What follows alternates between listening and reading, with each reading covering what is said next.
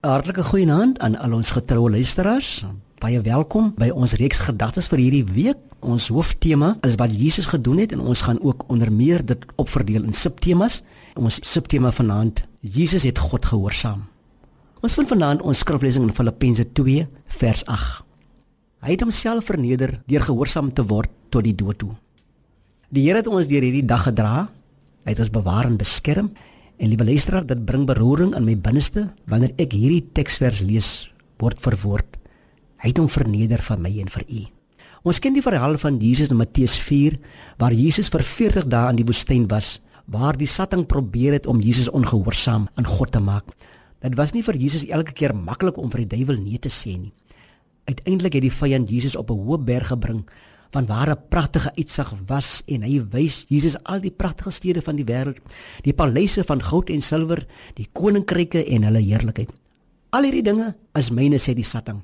Dit alles sal ek u gee as u neerkniel en my aanbid. Maar Jesus antwoord: "Gaan weg, Satan, want daar is geskrywe: Die Here, jou God, moet jy aanbid en hom alleen dien." Jesus het geweier om te doen wat die duiwel wou hê. Jesus was absoluut gehoorsaam aan sy Vader. Jesus het God die Vader liefgehad. En elke dag van die môre tot die aand was hy gehoorsaam. Nooit het hy iets verkeerd gedoen nie. Hy was aan God gehoorsaam en selfs toe dit beteken dat hy aan die kruis moes sterwe. En kom ons dink bietjie liewe luisteraar, hoe baie keer ek en u doen wat ons wil in plaas van om te doen wat God wil hê. Jesus was altyd gehoorsaam. Hy het vir sy Vader gesê: "Nie my wil nie, maar u wil moet geskied."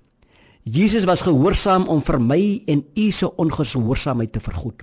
Hy moes gehoorsaam wees om ons saligmaker te kon wees.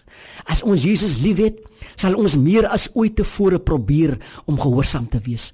Ons sal die Here vra om ons te help om te doen wat hy wil hê ons moet doen.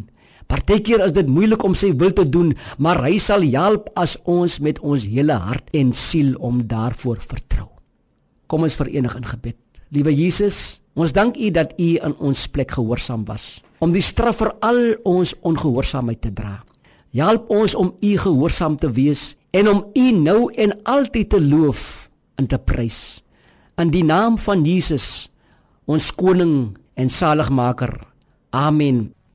'n Goeie nagrus vir elke luisteraar.